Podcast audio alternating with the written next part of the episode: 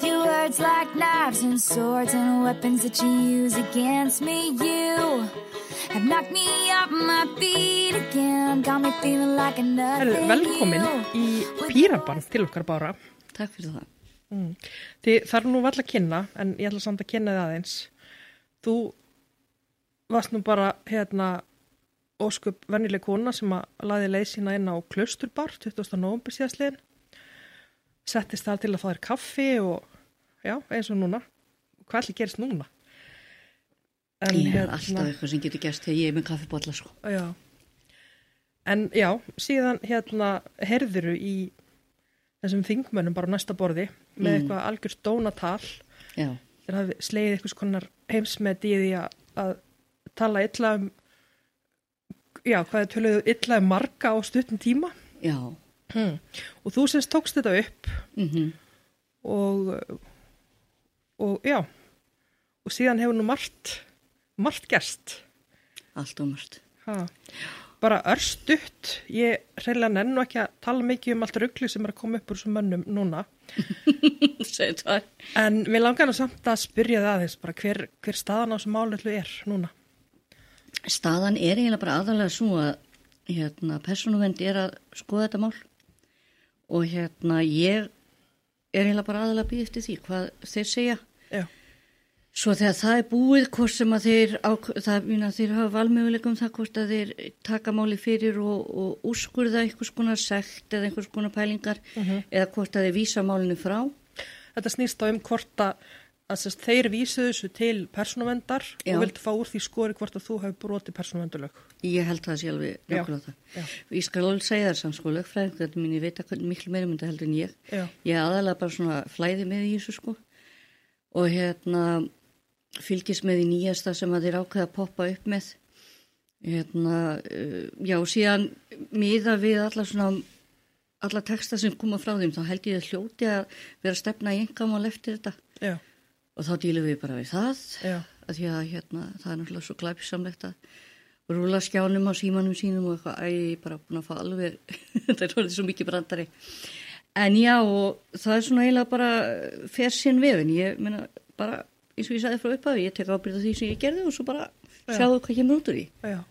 Mikilvægast finnst mér kannski að sjá hvort það kemur eitthvað út úr þessu varðandi bara yfir höfuð rétt fólks til þess að gera, gera þetta á þeirra nóta. já, já, algjörlega, Af því að algjörlega. það er alveg auglust að það er enginn að fara að gera neitt í hvað það sögðu, sko. Nei, nefnilega, nefnilega.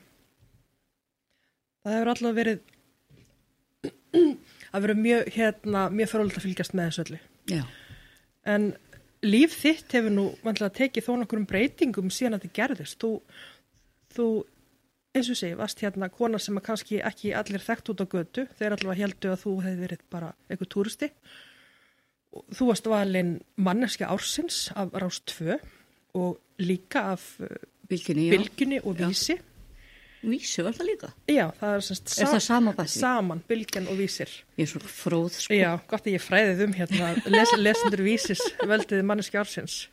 Já, fallegt. Þannig að þetta hlýtur að vera svona tölur breyting á því bara að hérna, bara þínu, þínu lífi eftir þetta allt saman. Sko, já og nei. Uh, já, ég er náttúrulega orðin þannig að, þú veist, fólk er að tala við mútið á götu að fyrrabræði. Ég hef alltaf verið mannski sem tala við fólk að fyrrabræði út á götu sjálf. Þannig að það er svona sem tröfla mikið mikið. Ég hef mjög gaman að því að tjá mig við fólk. en hérna, já, það er eiginlega aðalega kannski bara svona hver þekkt ég er og auka álæði sem fylgir því að hérna standa í málaferlunum sem fylgja þessu. Ég, hérna, lífið mitt var ég alveg full pakkað við það að vera ég þar á undan. Þannig að þetta var svona, já, aðalega bara hluti sem ég þurfti að íta svolítið til hlýðar og, og bara auka álag sem að, já, ég bara þarf að vinna úr. Já. En mér langar svolítið uh, þó að við séum nú sannlega ekki hittast í fyrsta skiptu. Þetta er endar, þetta er endar í annað skipti sem að ég er að taka við viðtal Það er nefnilega málið. sem er bara ótrúlega tilvíljun. Þú tókst fyrsta viðtalið við mig um besettisjúkdómin fyrir mörgum, mörgum árum síðan. Já, já. Og þá voru ég og Sigmundur Davíð Já, efst uppi á, á hausnum og síðunni á, á já, blaðinu. alveg rétt. Hann var maður ásins þá. Alveg rétt, já. Já, Við, þetta er þrýrningu sem verður alltaf tengd okkur einlega. já, já, það var sérst á fréttatímanum og það var hann að mynda, mynda þér út af þínu viðtali Mm, og já, þetta er magnað. mm, Þetta er mögnu tilviljun. já, Mm. En mér langar þó að ég sé svona aðeins búin að fá að kynast þér í gegnum, gegnum árin og, auðvitað fengi að taka þetta viðtal við á sínum tíma. En svona, við fáum bara aðeins að kynnast betur hérna bara persóninni báru. Já. Hvað, svona, hvað, hvaðan kemur þú? hverja manna ertu? Já, Um, ég er alveg upp í Kópóinum, ég er fóstubarn, um, flutti bara til Reykjavíkur einhver tíman í einhverju unglingskasti þegar ég, mér fannst ég ekki vera nógu, hérna, ægið, þú er unglingdar bara eitthvað, ég ætla að fara að búa einn í Reykjavík, búin að vera í Reykjavík síðan.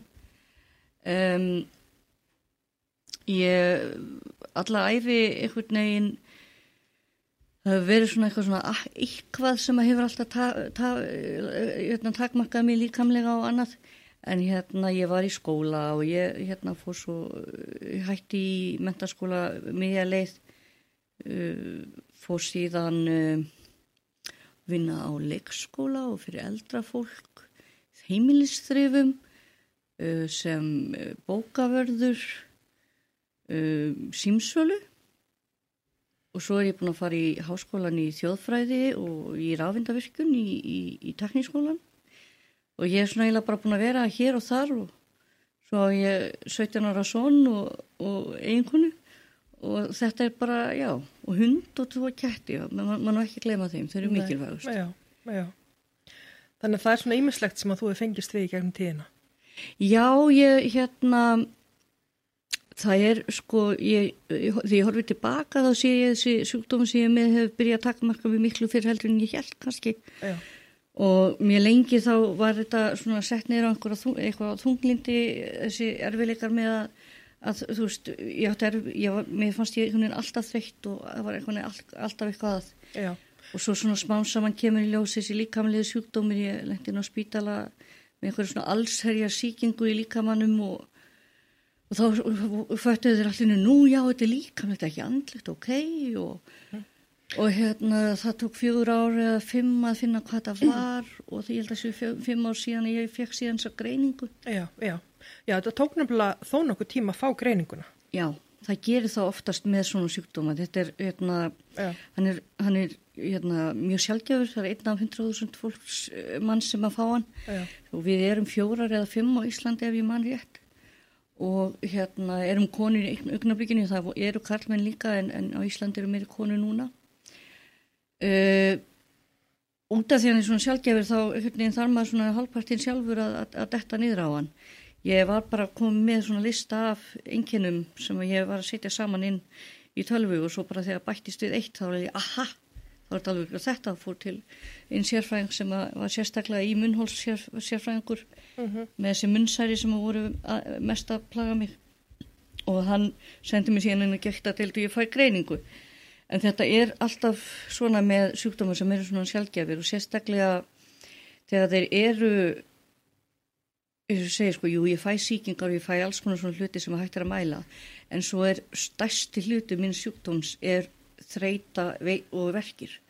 Og það er ekki eitthvað sem við getum bara mætt inn á spítal og sagt, heyrðu, ég er með 10% verki eða 100% verki eða, eða eitthvað skiluru, það er ekkert að mæla það. Þannig að maður svona upplýður kannski svona viss tímabil þar sem að maður er bara spáið í hvort að maður sé bara ímyndunavíkur eða hvað er. já. Lækna kannski í döndu eða líka Já, svona já. tímabili. Já. Og þú talar um döm sko akkurat hvað hérna hvað þessi enginni séu kannski svona óljós þegar maður veit ekki við hvað að tengja þau Já, og, og ég veit að þú hefur líka upplifað í rauninni fordóma út af því að fólk kannski hittir þig já. og bara eins og núna, þú ert bara hress og hérna í góðu standi Hm. Ég er þannig blekki sko. Nei, þú ert Ég, það bara, bara, ég lít bara út fyrir að vera það. já, já, Já. þannig að, að þetta er einmitt hérna munurinn á sko sumi sjúkdómi sem að sjást mjög vel Já, utan á fólki eða eitthvað svona föllun sem að sjást mjög vel utan á fólki Mhm. og, og, og eins og sjúkdómi sem að þú ert með það er til dæmis bara svona sem dæmi eins og þú segir núna. Ég lítur úrslega vel út. Og ef ég lýsi fyrir þér núna raunverulega ástandi mínu, að þá er ég sem sagt með mikla verki í höndunum. Ég get eiginlega ekki alveg notað þér. Ég með verki í mjöðmum, njám og, og öllum vöðum fyrir neðan mitti. Ég með melkinga hérna, hérna krampa. Ég með er með eirnaverki og hérna ég er alveg ótrúlega þreytt og svona á erfitt með kjálkan á mér líka. En ég er bara búin að vera svona það lengi að þegar ég er þegar, þegar vennilegt fólk væri upp í rúmi sofandi eða veikt, skilur með, með hana, þá fer ég get ég samt farið út út af því ég er búin að bara ég þarf að gera það ef ég ætla að lifa einhverju lífi Já.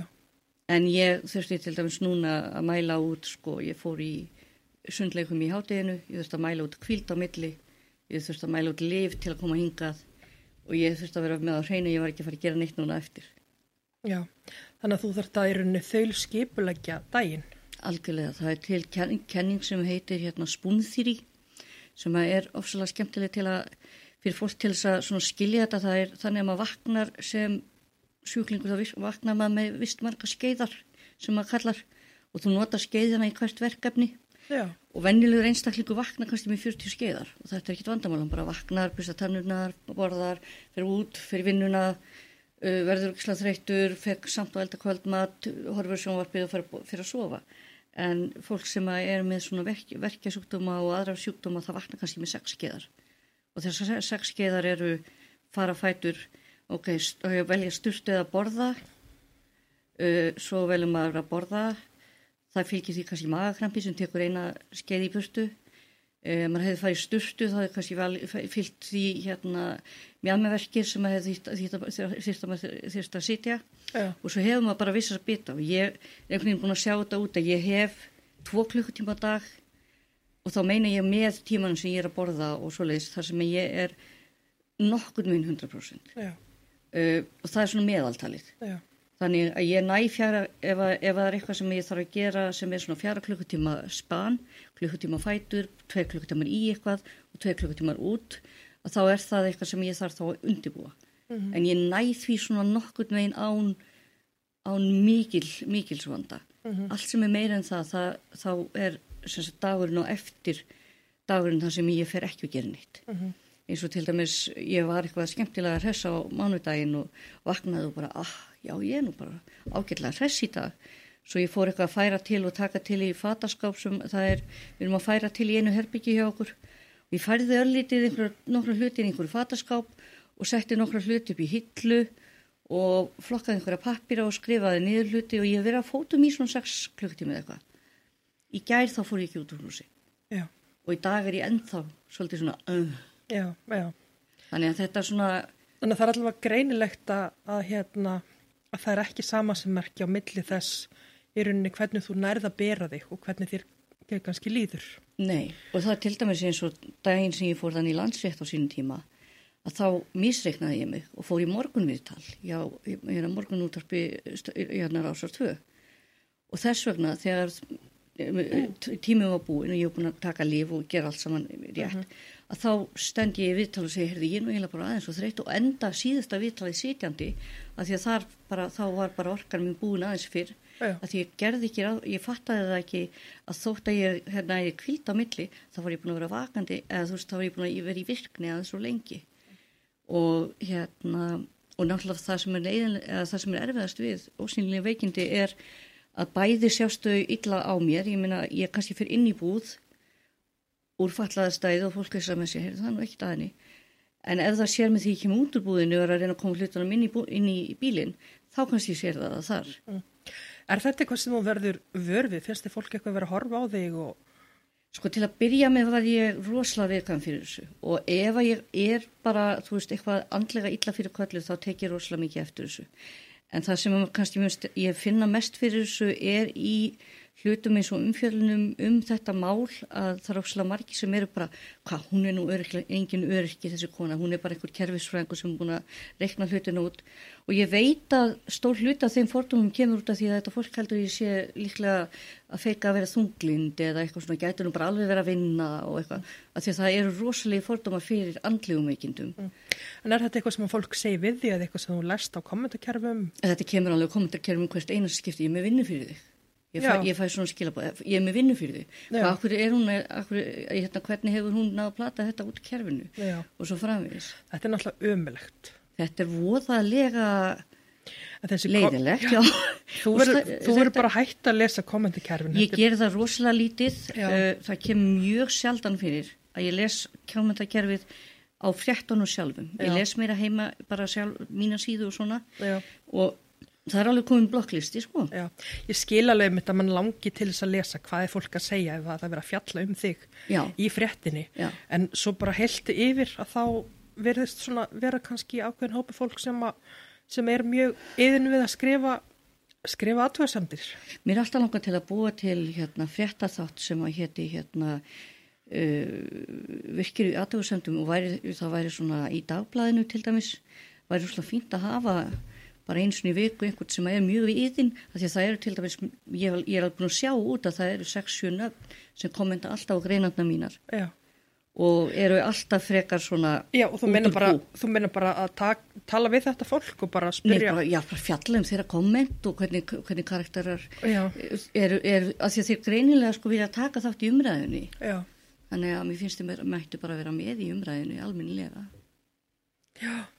Æ, ég myndi ekki nenn að gefa þeim þessa aðtikli. Nei sko þetta náttúrulega snýst bara um það, ég, ég bara er að spá í þessu sko, að því að fólk átti sig ekki á því að það les kannski eina grein Já, og svo lesa aðtöðarsamt í kerfið og það les aðtöðarsamt eftir eitt svona aðila og les hérna ekki það sem er fyrir neðan og, og svo framvegis og þessir aðilar þeir eru bara alveg ótrúlega að- hérna yðnir við að halda uppi stereotypum og, og rang, rangfæslum sko. já.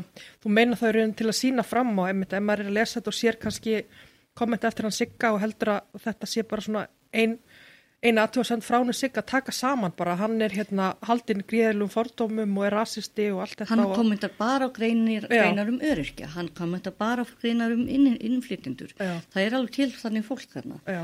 Og hérna, það er kannski svona svolítið svona, uh, já ég veit ekki hvort að aðteklinn skiptir máli eða þannig, en ég bara tók svolítið eftir þessu.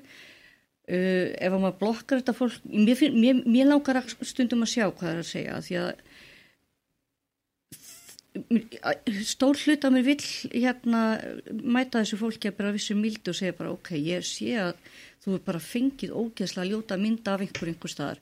Og mér langar bara að segja bara nei, veistu, í þessu tilfelli þá bara ertu að skoða, ertu að skella stórum hérna hatti yfir eitthvað sem að er ekki eins og það er og bara getur ekki sest niður og haft kaffibotla og sé það að við erum báða mannesku sko. Uh að því að ég, þetta er alltaf þessi fjarlægð í komandi kjærunum sem skapar þetta náttúrulega líka og þessi enga klefi sem þú hefur fyrir þig og vinið þína þar sem þið talið mikar stöf sko. Já, já, tala um þessa bergmálshella sko, þar sem, Já. að, þar sem að maður heyrir unni bara frá sínu jáfólki Já, og það eru þetta kannski líka emmitt að að þó getur verið leiðilt að lesa oft einhver neikvæð komment í, í þessum aðtöðsanda kerfum sko þá hefur maður alveg gott að því líka upp að vissu marki sko að hérna, veist, ég til dæmis reyni mikið bara eins og minni Facebook síðu að, að passa upp á að ég er með fólk sem að ég er sko algjörlega ósamála bara um allt já, í lífinu. Mm. en mér finnst, finnst mikilvægt að vera með það fólk þannig að þú veist, það er allir með svona sína búblur en ég, ég vil hafa sem fjölbreytast fólk já. Líka út af því að Til- þá til- heyruru hvað það er sem að er í umræðunni annars þar. Að því stundum er þetta þannig að sikkur aðlinn, þegar við erum kannski að tala um sama málefnið, en það er alveg verið að tala um þú veist framöndan og afturendan á því. Já, já, og hérna í raun og veru skiljum við ekki hvort annað því við höldum að við sem bæði, bæði að tala um afturendan eða bæði að tala um framöndan já skiljum við Þannig að, að ef, að ef maður finnur málefnanlegt fólk sem er akkurat hinum inn á búblinni þá er ég svo glöð, þá er ég alltaf bara ah, yes, einhver sem segir ekki bara alltaf eitthvað svona, þú veist, þú ert bara feit kettling, eitthvað, heldur segir bara já, mér finnst bara þetta að vera svona og svona og hefur ekki hugsað út í hitt og þetta. Þessi, En- það er gaglegt Já, já, það er líka bara svo ótrúlega gaman að tala við að málefnilegt fólk þó að sé gjörsamlega ósamála manni. Já, af því að, að það líka bara eigur vísinni hjá manni sjálfum og, já, og, og eru nýja og kemur í veg fyrir að maður lokist inn í einhverjum svona hugmyndaheimi sem að bara á ekki alveg við rauka stegjast í stærra samhengi sko. ég er nefnilega alltaf tilbúin til þess að skipta um skoðun. Já, eins að hérna, mér finnst það vera actually, sterkleiki en ekki veikleiki já. ef þú getur það. Já, ég veit að þú hérna ert ekki tengd neinum stjórnmálflokkum en ég verðum samt að segja þér að, að hérna, þetta er eitt af svona uh, því sem að við píratar leggjum mikla áherslu á að, að það sé lægi að skipta um skoðun.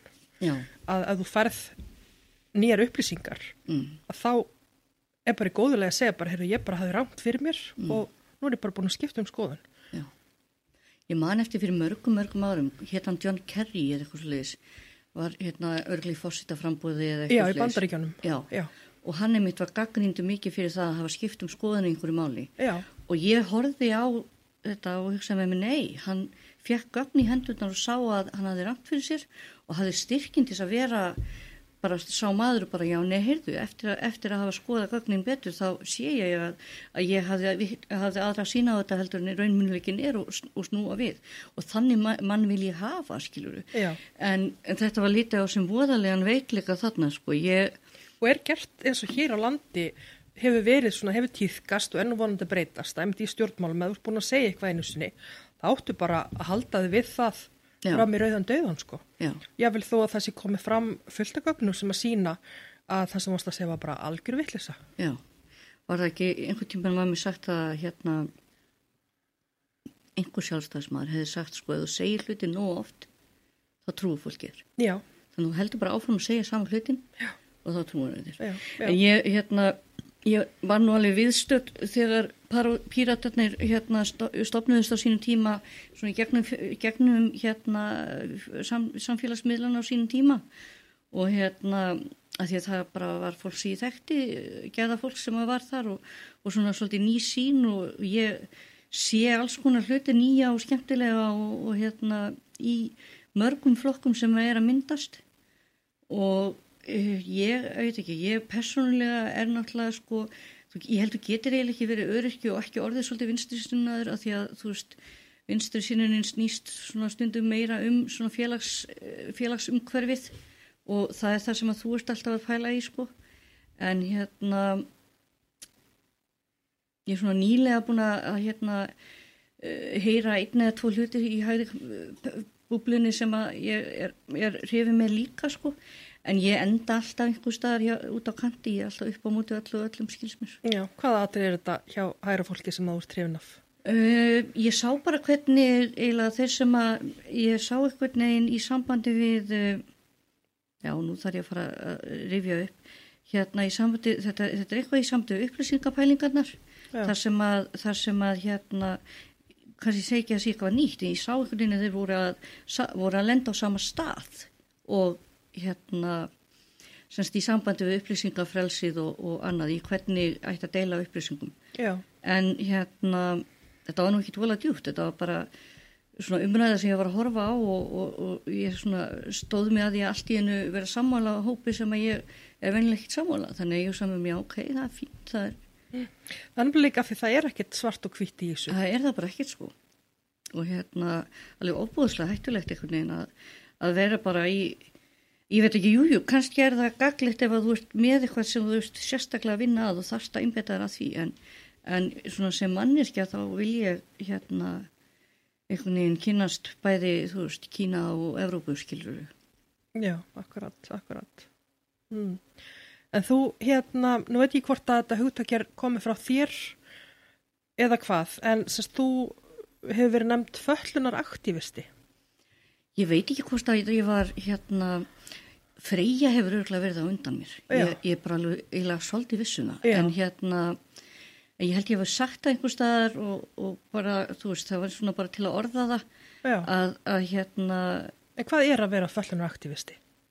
að vera fjórlunaraktivisti er að benda fólki á uh, hérna hluti í samfélaginu sem að það sér ekki fyrir að það ve- sé, sérst, ég til, bara sem dæmi ég hérna þegar áður en að ég varð veik þá náttúrulega bara lappaði um allstaðar og ekkit vandamál.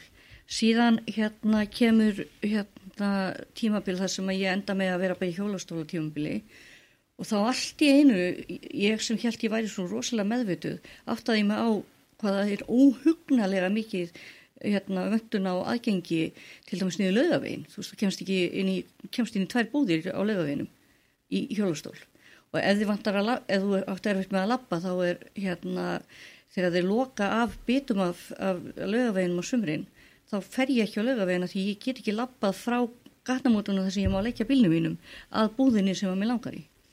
Og svo eru svona hlutir eins og að koma á maður vill, mað vill að hérna sagt, uh, það sé lögsett hérna stafna hérna saminuðu þjóðana það er þarna til sáttmáli um, um stöðu fallara já, já. og hann hefur verið sagt, svona staðfestur undir með gæsalöpum en hann hefur ekki verið lögfistur sem að þýði það að hann er svona til viðmiða en það er ekki tætt að segja, heyrðu, sjáðu svona átt að vera Já. og það er svolítið þessi réttur til þess að, að hérna uh, að, að, að hérna að umhverfis líka svolítið hannað fyrir fólk sem er fallað að því að ófallað fólk held ég átti sér mjög lítið á því hver mikið af umhverfinu er hannað.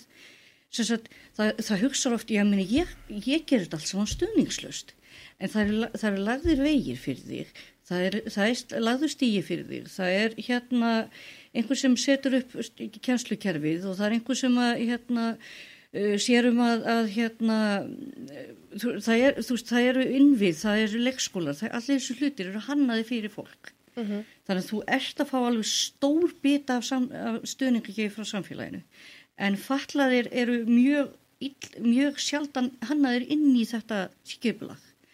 Það var til dæmis bara fyrir nokkrum árum í íhugun að hérna, leifa það að byggja blokkir án lifta sem því það bara, ok, bára haldur stöttir ef þú ætti vinkonu í, í einnig svona blokk, þá getur þú ekki heimsótt hana. Mm -hmm, þú mátt ekki fara í ammaliðsbóð hjá fólki sem býr í svona blokk. Uh, bara svona þetta eru aðstæðlega smá hlutir oft en, en hérna geta skipta öllu máli og síðan líka bara þetta fargan af umsóknum og ég til dæmi bara sem dæmi ég hef rétt á stuðningi sem að eh, kemur frá félagsstjónustunni ég er búin að hafa rétt ég, það búið bara að dæma eh, ekki, meta mér rétt til hérna aðstóðar heima hjá mér eh, 36 klukkutíma í mánuði í held einhver 5 ár.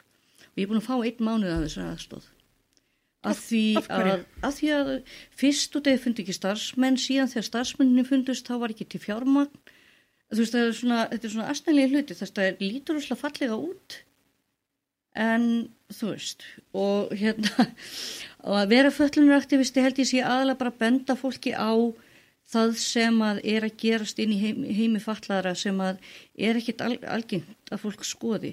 Eins og allir hlutinni sem er að gerast í gegnum örkjabandalagið akkurat núna, tryggingastofnum búin að svíkja fólk í mörg ár það sem kemur fyrir nokkur árum síðan kemur ljósað allir umræða um það að fólk sé í bótasviki til dæmis hún var öll byggða á skoðunakonun í Danmörku sem var gerð á takmörkum hópi, hópi fólks og síðan áætlum með að við höfðatöluðin á Ísland.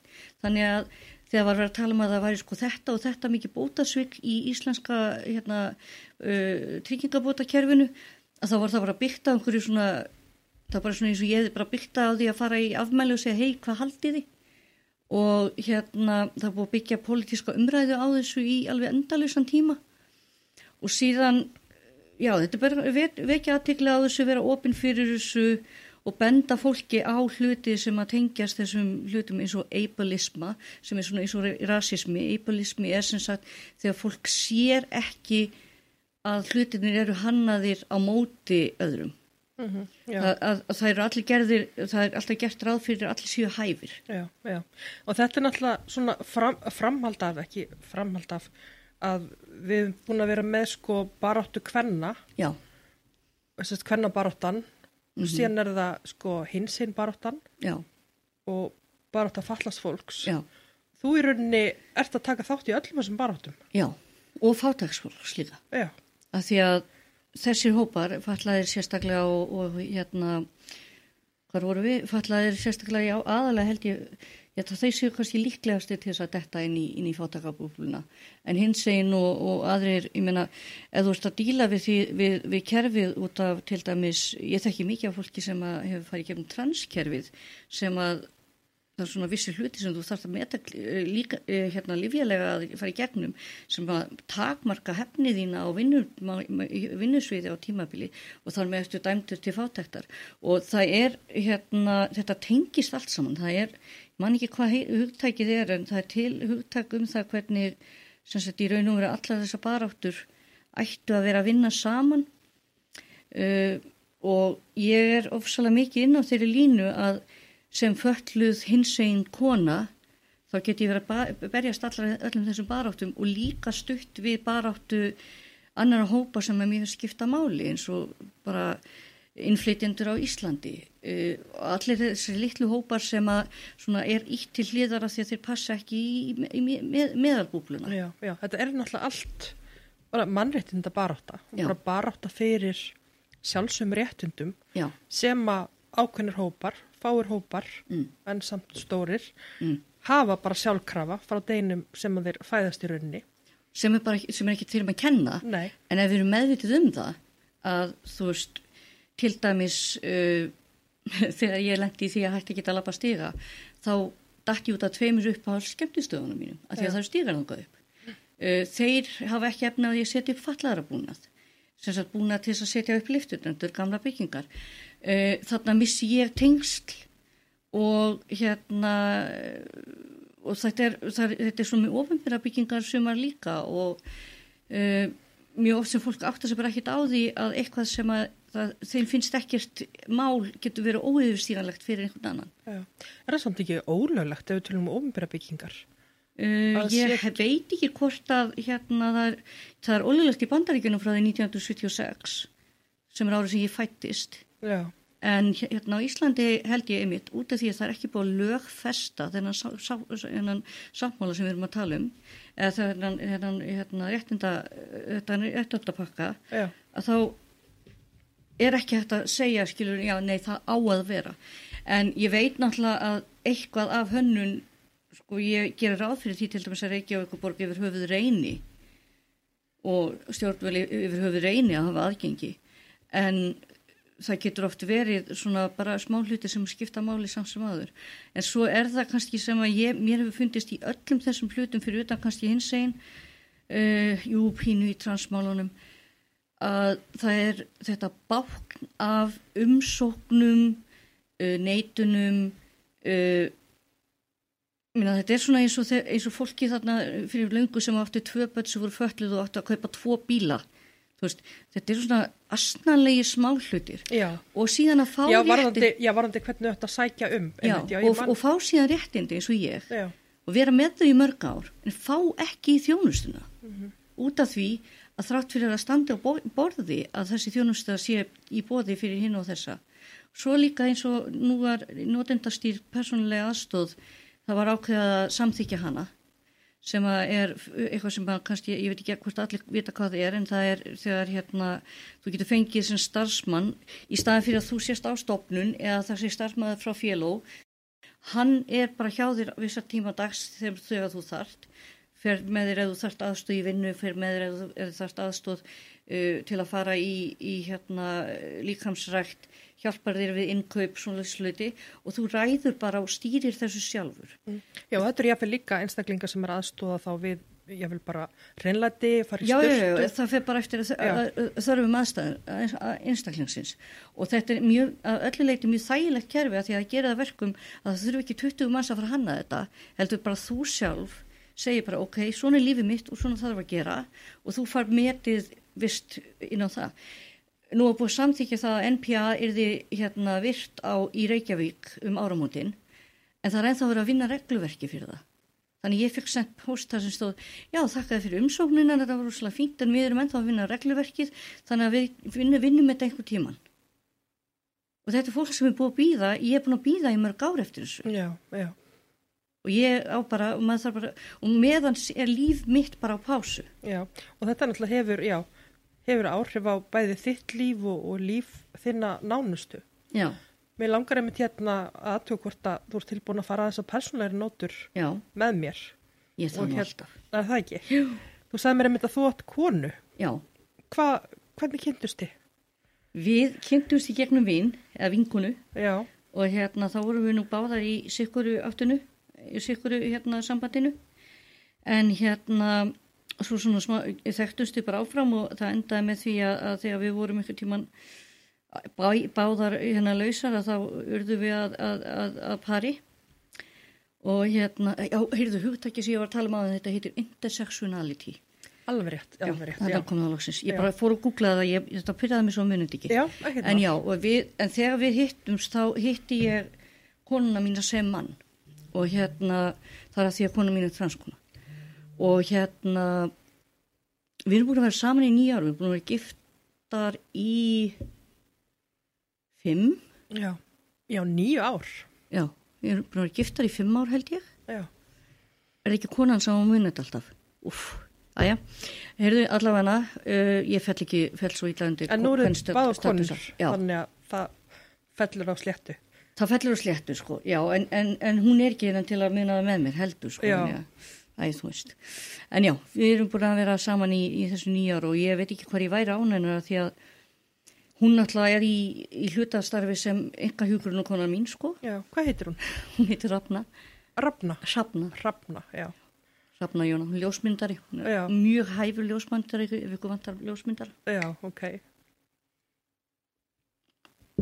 Já, Eða er að læra ljósmyndum. já. Þannig að þetta er mikið ferli sem að þið hafa farið gegnum saman líka. Já, en samt sko kannski minna heldur en það er einhvern veginn svona svolítið spes með þetta. Ég hérna hef einhvern veginn, ég er sjálf tvíkinni, þannig ég þekkti frá upphafi mjög mikið af fólki úr hins eginn samfélaginu.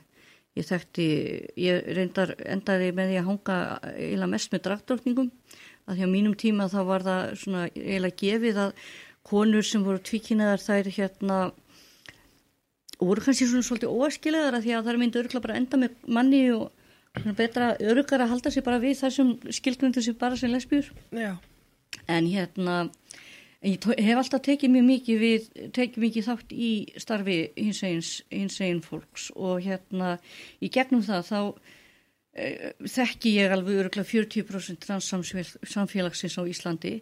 E, sonur minn er trans líka. Ég er sopnað sko. Og hérna þannig fyrir mig var þetta minni breyting heldur en fyrir rosalega marga aðra. Já, fyrsta lagi þá er ég tvíkinnið þannig að þetta í, í, það er ekki e, obstakul og í öðru lagi þá hef ég bara þó nokkru að insýn í þetta. Stærsti bitin er náttúrulega aðalega bara að kynna þetta fyrir umhverfi sínu. Já. En eru, bara svo ég áttum á því, er það þá þú og Rafna sem að eigi þennan svon saman? Nei, nei, nei, nei, Nei. Vi, við erum bara búin að vera saman í nýju ár og hann er 17 ára Já, þannig já, að já. það gengur ekki upp starfræðilega séð, Nei, sko. En hérna, nei, pappa, pappan sér fyrir norðan og er, er bara, já, hefur, hefur bara samband. Þannig. já, En hérna, nei, við, hann er ekki upprunalega uh, sonur okkar tvekja en þetta er nú samt svona fjölskylda. já, já, já, já, já, auðvitað. Stefni í starri fjölskyldu og allt það, sko. Já, nú, Ég er að fara að vera amma í sumar, í alvöru, í alvöru. það er rosalegt. Til hamingju. Mér finnst það mjög spes. Já, til Mér finnst ég ekki, já, takk fyrir það. Ég finnst ég ekki nú gömul til að vera amma en svo mér finnst mér þetta svona pínu spennandi Nei. og gaman, sko. Nei, nú ert þú ekkit svona ömmuleg. Nei, við verum bara að breyta þeirra skildurinningu líka. Já, já, það, Ömmur geta bara verið með skrítið hár og, og, og hérna. já, og það er svona. nefnilega emmitt. Það er akkurat, og akkurat svolítið það sem þú ert að gera líka, að breyta þessum svona stereotypum. Já, Ha, það, það, er, það er flókið mál í íslensku samfélagi að vera öðruvísi.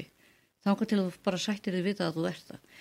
Ég hef alveg tekið eftir því að allstar það sem ég er öðruvísi, þú veist, hins einn fölluð, þú veist, kona er pínu öðruvísi. Ég er líka kona sem talar mikið, það er hérna ekkit rosalega vel séð eh, svona kællingar sem kæfta mikið. já, það er emmitt, það er nú ekki alltaf, alltaf hérna, fallið vel kramið að konur hafi skoðanir. Ný, og hérna, eh, að ég veit ekki, ég hérna, það er flókið að vera öðruvísi á Íslandi finnst mér, en við erum að verða betri og betri í því að, að leifa fólki að vera öðruvísi, en það, þarf alltaf einhvern veginn svona pakka við hverja, hverja svona, ok, ég er lágvaksinn, ég þarf að sína það, að ég veit ekki, þetta er svona, og ég er með skrítið hár, ég þarf að útskýra það, og hérna, ég veit ekki, þegar ég var yngri þá var ég svona í, svona lítið pönkaður í stíl sko í fötum og svona.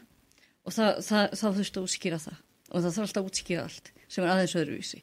En hérna smám saman þá endur við með því að, að fötin sem að voru alveg bara ótrúlega bönnu þegar núna allt í hennu seldi í hafkaup og, og spánsamann þá endur við á því að fólki sem að gæti ekki talað um hver, hvert það er bara allt í hennu að koma út á færtugsaldri sem kona og, og eitthvað. Þannig að Já, þetta þróast vonandi sko. já samfélagið er alltaf, alltaf opnast. Já, En þú talar um sko þessi flóki að vera öðruvís á Íslandi, held, er það samt ekki aðeins einfaldra hér heldur en að mörgum öðrum stöðum?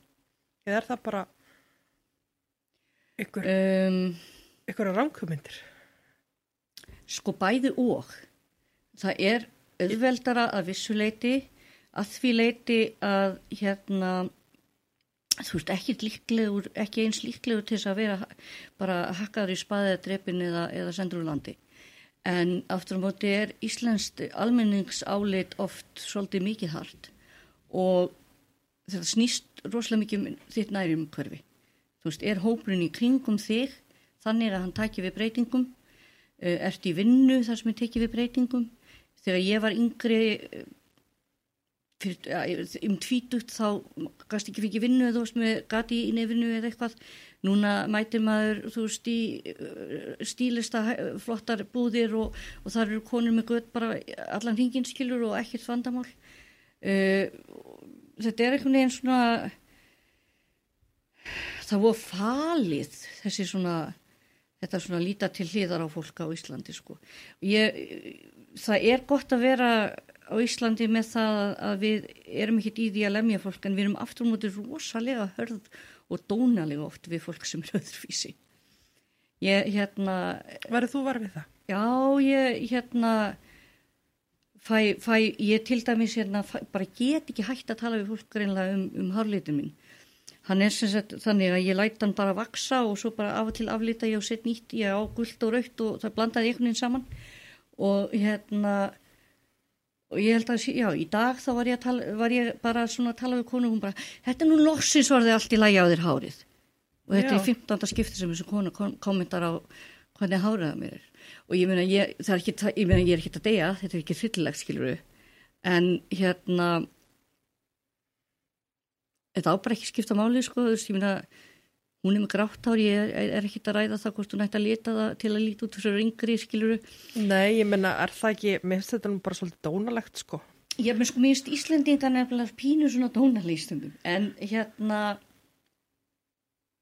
ég veit ekki, kannski er það bara allt í lagi. En ég, það, ég allavega finnst mér alveg augljóst sérstaklega, ég menna að þú horfir á hluti eins og upptökuna sem ég gerði að ímyndin sem að við setjum fram af Íslendingum hún er hún er ofsalega fegruð Já, þú menna eins og þessi ímynda hérna að hér séu allir bara, Þetta er feminíska himnaríki þar sem að Já, allir já. eru bara góði við alla og, og Já. allir fá sitt sko. já, það sem að, að hluta þessum mönnum einmitt hefðu tekið þátt í, í rauninni alþjóðastarfi og gefið sér út fyrir að vera, Já, þannig að rakara stofu dótari. já, Ég já, finnst það bara alveg, uh, he for see, he for see áttakið sem að hérna já. var hann líka. og síðan er einmitt sami maður núna að kommenta einmitt á uh, hvernig réttindafélag Íslands og ég bara skil ekki hvernig maður sem að hefur nýlega verið tekinu upp í svona umræðu tek, uh, sér sig sem einstakling sem að er valit á þessu grundvelli svona næstu 3-40 árin sko. Já, já. Já, það er misjant hvernig fólk metur, metur sjálfan sig og, og erindi sitt í ofnbæra umræðu. Já, Mm. En þú, já, ég ætla nú einmitt að muna að spyrja þig líka varandi upptökuna og, og nú ert þú orðin svona heldur þekkt í samfélaginu eftir þetta, já, búin að verða fyrir alls konar uh, neikvæðu áreiti Mm. en hefur líka fengið mikið af jákværi aðtekli. mhm, Ef þú færir aftur í tíman, mm. er þetta eitthvað sem að þú myndir gera aftur? algjörlega. Ég get ekki séð mikið eða ekki. Ég bara, uh, ég veit það ekki, ég, ég skil ekki hvernig ég ætti að, sko, ok, byrjum, byrjum að ég sitt þarna og ég er að heyra þetta. Fyrsta sem að ég var að pæla var bara, ég þarf að lifa, sko, konur mín að heyra, þú veist, þú myndi ekki trúa því hvernig ég tala. Og hérna, og svo heldur þetta áfram og ég, sem manneskja sem að hefur og ég verið undir þessu umtali sko ég er í þessum hópum og við allar konur, fatlaðar og hins einn fólk uh, höfum heyrt þessa hluti í sikkuru lagi, fengið einhvern veginn á okkur í kommentarkerfum í hinu og þessu og fengið á okkur hérna líka svona hvað við segja svona, við, við sjáum það í stefnumótun og öðrum hlutum að það liggur á bakvið vissar skoðanir og við vitum alveg að það er fólk sem hugsa svona og tala svona. Og við erum búin að heyra þetta hundra sinni, fólk er alltaf alveg bara hvað, hvað fannst þér um að heyra þetta? Og ég bara, ég hef heyrt þetta allt saman áður. Ég hef bara aldrei áður verið, eh, heyrt þetta svona flum, sko uh, flumstlaust fyrir framann annað fólk Já. af fólki sem, á hafa sko, sem hefur sitt. Já og, frá, og frá þingmönnum. Já, ég sé fyrir fólki sem hefur, hefur hérna líf mitt og annara í höndunum.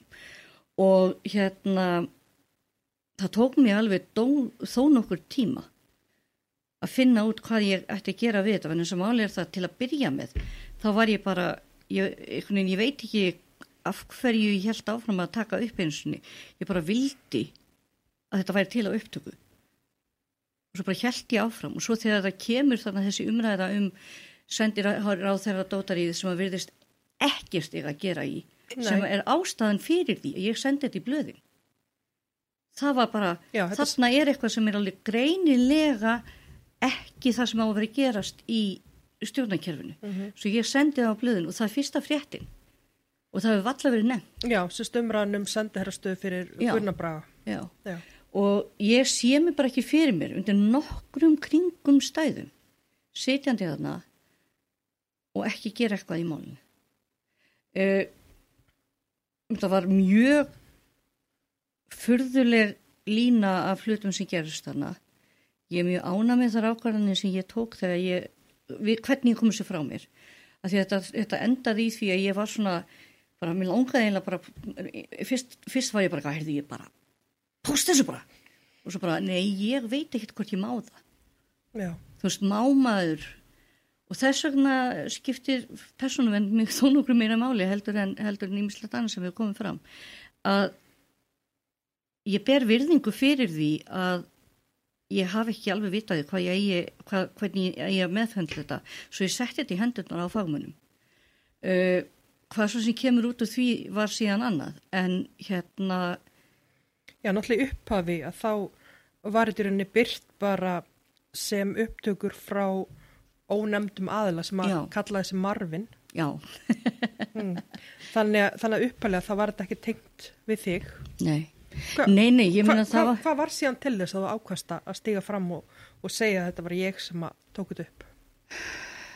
Sko, það er eiginlega tveir, tveir punktar sem voru aðalpunktinu þar. Frá því ég tók þetta upp og sendi þetta frá mér, þá var ég búin að vera í bara svona innri féluleik.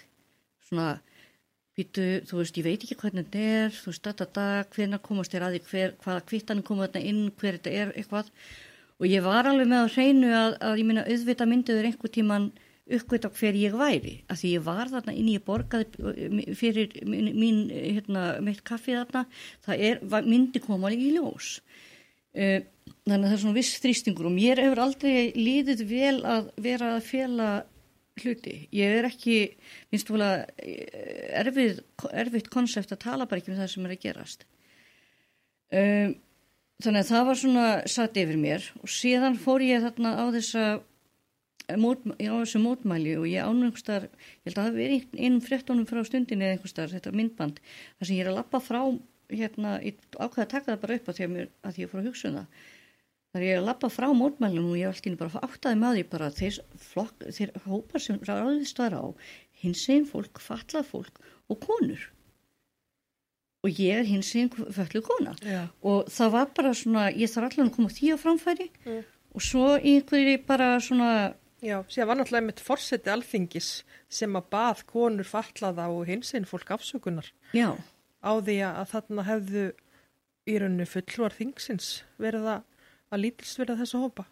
já og, og hérna að ég veit ekki, ég, það var bara eitthvað svona moment þar sem ég, þegar hann ringir í mig þarna frá stundinni og segir við mig, heyrðu mig langaði svo mikið til að koma þið framfæri að þú væri kona, að því minnst að skipta máli.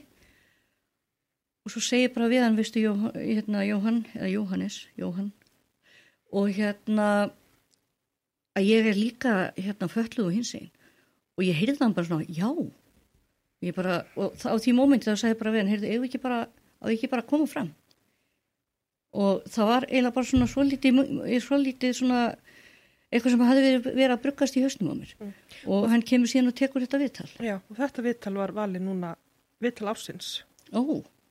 Er það ekki örgulega rétt hjá mér? Ég veit ekkert Ég er nokkuð vissum það. Nú, ég, ég, ég, nú þarf ég að óskonum til hamingju. Nú ætla ég að fara að googla. Það já. var alltaf að tilnæmt sem við það var að vera að veita blagamannavelun. Já, já, já. Hefur mm. gaman að því. Já. Hann vinnu, veistu, ég er nefnilega verið nú að segja það. Ég vissi nú ekki hvað ég var að fara út í þannig séð. En hann var þarna með mér heilan dag að, að spjalla við mig og, og tak, tók alveg til til þess hvað miklu orku ég hafði og svo leiðis.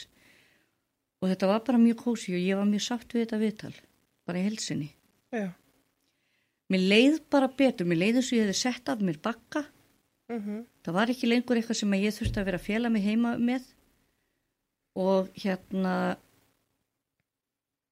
það eina sem að ég hérna, ég er náttúrulega bara vissi það að ég myndi einhvern tíma að koma fram. Það er einlega málið, þannig að ég vildi gera það frum, frumkvæði, en ég vildi að umræðan hætti að snúast um mig ekki út af því að ég sé eitthvað feimin eða vil ekki taka ábyrðaði heldur að því að það sem að þetta snýst um svo miklu leiti er viðbröð fólks við viðtalinu. Já, akkurat, akkurat. Að því að hérna það er það sem að var fallegt. Hvernig konur og fallaðir og hins veginn bara snýru sér saman og bara neyf, svona tölum við ekki. Já. og svo er þetta svona deyfast út og einhvern veginn þeirra sveia sér inn og allir komin aftur inn á þing og orðin málsmetni menn aftur fyrir framann konur sem að þeir töluðu um sem einhverjar, einhverjar svona bara kynlífstúkur líku við á tímabili. Já, já, þetta var bara ógjaf og hérna ég hefði held ég ekki hugur ekki til þess að vinna svona. Nei, nei og ekki heldur hérna, ég væri heldur ekki svo hérna ósvífin að mæta eftir svona. Nei, nei. Ég held að núna síðast að ég hýrst einmitt að Sigmar að segja, ég meina að fólk hefur sagt verri hluti um mig. Það bara skiptir yngu máli, við erum ekki að ræða það sem það fólk var að segja, þú nú ekki það setna. Við erum að ræða það sem þú erst að segja. Algjörlega, algjörlega. Algjörlega. Herðu, svo ég hérna leirti mig, við telum var tilnemt sem viðtal ársins. Mm -hmm. og þetta voru endar allt alveg frábæra viðtal og svo ég takja nú fram bara það voru Ragnæði Linnet hjá mannlífi sem að tók viðtal ársins við ekki plastbarka þegans sem að lest Já, já. Hún fylgist ég aðeins með þessu. En þetta viðtal var tilnemt og var virkilega flott Já, en það bara vel unnið og, og, og svo leiðis og ég hérna, verða að segja það bara út í gegn að, að ég hafði þegar það var búið að vera svo mikið umbrutamálum þarna undan uh, lögbannið á, á stundin á sínum tíma og ymmislegt fyrir og ég fann fyrir vissu trösti á bladamannastréttinni á þessum tímapunkti sem að gera það verkum að ég fer með að þanga. Ég fór að hugsa um það bara einhvern tíman í janúar. Af hverju fór ég ekki með þetta í, í sjónvarpsmið? Af hverju sendi ég ekki neitt á sjónvarpsmiðla? Af hverju sendi ég ekki neitt á, á hérna á, á, á vefmi, ég veit ekki, þú staðir til aðrir miðlar? Já, þú sendir það ekki á stundin og djefaf. Stundin djefaf og hvernablaði. Hvernablaði, já. já. Hvernablaði eiginlega bara aðalega út af því að hérna ég er búin að skrifa mikið grein, greinum í gamla daga já. í gegnum minn aktivisma um ímislegt og, og það er bara uh, fólk sem ég kannast við og fannst svona bara, já það bara passaði inn. Já, já, já. En þú ert nú ekki baki dottin og ert með ákveðin plön núna fyrir, fyrir sumarið. Já, já, það, það er skemmtilega. Ég hérna fyrir þreymur ánum síðan eða tveimur eða eitthvað að þá var einhverjum ræðum öryrki einhver staðar og ég satt með einhverjum vinkonu minni og, og það var eitthvað fólki, einhverjum komand að kerfa að segja eitthvað og ég segi svona stundarhátt við hana hefur þetta fólk aldrei séð öryrkja? Þú veist, veita ekkert hvernig öryrkjar líta út eða hvað öryrkjar gera og svo sagði ég henni að það veri ótrúlega kúla að búa til svona bara, þú setja bara öryrkir og sína hann og sína lífans þegar þú sér þann ekki út á götu. Og svo var ég alveg búin að plana þetta sko en ég náttúrulega er ofbúslega orkulítil þannig að allt sem ég geri gerist á bara snigla hraða og ég hérna en svo er vinkona mín hún er að gera hérna hún er eina af þeim sem er að sjá um hérna Reykjavík Frinds sem er svona listaháttíð sumar. Uh, ég held, fyrsta júli til eitthvað, virkulega fyrsta til sjötta eða eitthvað og hérna, hún segi við mig bára, nú ferð þú og gerir þetta sem þú veist að tala um. Af því að ég var alveg komið með konsept, ég var alveg búin að setja þetta upp einhver tíman sem eitthvað sem ég ætlaði að gera einhver tíman. Nú gerur þetta bara, kem bara á frins, ég, þú veist, það, þú getur verið off-venue og við finnum út úr því. Svo ég ákvað það bara og er núna bara svona stinklaðis áfram og út af því að þetta er svona smá batteri, ég ætla að setja sjálfa mér inn í svona kassa, uh, svona, svona búr. Ok, Ég ætla, að ég ætla að búa til gerfi herbyggið mitt, þar sem ég er alltaf först þegar ég veik og hérna vera með persónulega hluti og hluti sem ég hef þurft að díla við gegnum kerfið og, og bara vera þarna til eh, sínis þannig að það sé hægt að sjá hvernig öryrki lítur út svona þegar þú sér þann ekki. En þess að vennilega þú sér þann einmitt eins og við töluðum um aðan bara í byrjun einhver staðar. Einhver staðar út á götu þegar hann er búin að ná ekki að hafa sér til og, og er að lappa milli húsa og nærði. En mér langaði semst að sína hérna hliðina og hérna ég er að fara að stað vonandi í annari viku núna apríl með Karolína fenn söpnun fyrir efni við og aðstofa fólki við uppbyggingu og fleira svo liðs. Og ef þetta gengur vel þá langar mig til þess að halda síðan áfram með þetta verkefni jáfnvel og fara með það bara til útlanda eða eitthvað svo liðs. Uh, ég, það er svo sterk í mér þörfin til að tengja saman fólk í gegnum það að bara við sjáum hvort annað og mér langar svo mikið til þess að, að að það er svo lítið sem ég get gert líkamlega. En ég hef hugmyndir og ég hef rödd til að segja eitthvað og fólk allt í hennu óvart þekkir nafnum mitt og eitthvað. Og mér langar svo mikið til þess að mæta almenningi og bara, þú veist, hverjum sem er á einhvern grundvelli þar sem þið geta séð bara raunveruleikan og kannski maður svona pínu að bera sig, bera sálina og, og, og hérna og svo leiðis bara að því að ég held að all, öll þessi og öll þessi rifrildi og öll þessi neikvæðni og öll þessi fordómar líkja innfallega á því að þú ert bara ekki bara hitt, búin að hitta manneskjuna sem er í þessari stöðu. Ég man alltaf eftir ég átti eina vinkonu sem að, að var með rosalega fordóma fyrir samkynniðu fólki og síðan egnuðastu við vini, eða ég átti vini sem að hún kynntist sem var bara samkynnið par strákar. Og við vorum einhvern tíma bara fórum út að skemmt okkur og þeir sitja saman, halda utan um hvern annan og, og hérna annars strákunan hallar sér svona að hinum og, og hann kissur hann svona ennið. Og ég horfið bara, horfið á þessar vinkonu mína, skipta um skoðun. Ég horfið á hann að sjá þessa menn sem bara tvo einstaklingar sem elskuðu hvern annan og voru góðu við hvern annan. Og bara átt að segja á því að allar þessar, allar þessar skoðanir og allt þetta sem hún vildi segja eða þú veist, eða allt sem hún hafði á móti að það var, var einskis það, það var bara, bara bull, það var bara hindranir sem við búum til sem er ekki þarna í alvörunni. Að því í alvörunni þá get ég sest nýtt niður við hliðina á hverjum sem er og útskýrt mína stöðu og hann sagt með sína sögu. Og við getum, þú veist, verið saman sem okkar, sem, sem einstaklingar. En ef við horfum að hópa fólki út í bæi eða einhverja konu með raukt hár í fréttunum sem að virðist vera rosalega kæftfór og rosalega fín og eitthvað, að þá sjáum við aldrei manneskinu, við sjáum aldrei, við fáum aldrei að tala beint við aðilan og bara ef við tökum okkur tíma og tölum mann við mann þá leysum við öll vandamál í heiminum. já, ég held að þetta sé bara frábær leið til að enda spjalli hjá okkur. Já, ég, hérna, þetta er búið að vera alveg ópúslega gaman og ég, hérna, Já, og við fylgjumst með á Karlínufönd og ég var búin að fletta hérna upp að, að Reykjavík Friends Festival er 27. júni til 7. júli. á, það er aðeins frá 27. já. Ég, já, ég Hef, hef, 29. segir til. já, ég hef 7. minn gjörning kvöldið 30. og verð til þriðja og það getur hver sem mér komið, ég hafði þetta frítt að ég vil að vinni mínu komist að því að það kostar. Já. Það vil ekki að kostin. Já. Allar að vera inni í þessum kassa allan að tíma Já. Með ferðaklósett. með ferðaklósett. Já. Ég var einmitt að hugsa á ég að spyrja, hvað með þú þarft að fara klóstið? Ég, ég, ég verð bara í náttúl sko, þannig að sjáast nú ekki, ég ætla ekki að fara að kláma mig fyrir netið sko, Nei. en hérna, en minna stórpartur af mínum veikindum er það að bara um hvert ekki því ég borða Já. þá fylgir því bara þó nokkur meldingaferð það er ekki eitthvað sem ég kannski að fara að gera í, í, að aðalatriðinu í þessu en smáatriðin eru samt Já, þannig að þetta er bara þitt raunverulega líf já, í hvað, þrjá sólarhinga. ég þrjá svona hringa Þetta verður magnað. já, Mm. ég hérna ég er þó nokkuð spennt fyrir þessu að ég held að það verði fullt af hlutin sem ég á ekki eftir að sjá fyrir sem koma út úr þessu ég held að að við myndum að rekast á ymsa hluti sem að verða furðulegir í tengslu við Já. Ertu ekki svolítið bæði spennt og kvíðin? ég er svona fann að það er svona, er alltaf að detta upp einhver svona smáatrið eitthvað svona, hmm, að verði þú kannski svepplikt í rýminu þegar fólk kemur inn nei, nei, það er alltaf þannig er, það er þungt loft inni þegar maður er alltaf inn í herbygginu sínu og da, da, og ég bara ég hendi þessu til hliðar hægt og rólega en Já.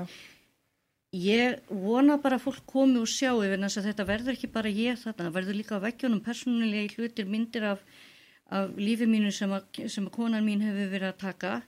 Það verða þarna hluti sem að fólk getur tekið þátt í samskipta hluti sem fólk getur tekið þátt í.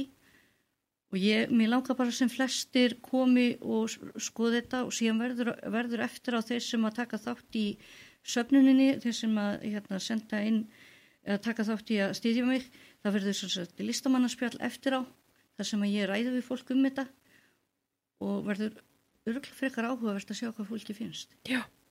Ég allavega gerir fastlega ráð fyrir að ég verð þar.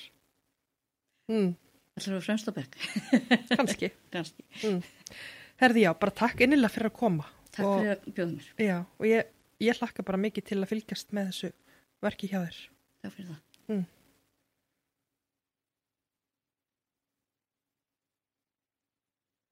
Búið. Búið, búið. Já, svo slekkur hann bara á þessu. Já. Svo segir hann er bara frammi. Mhm. Þetta var bara mjög gaman.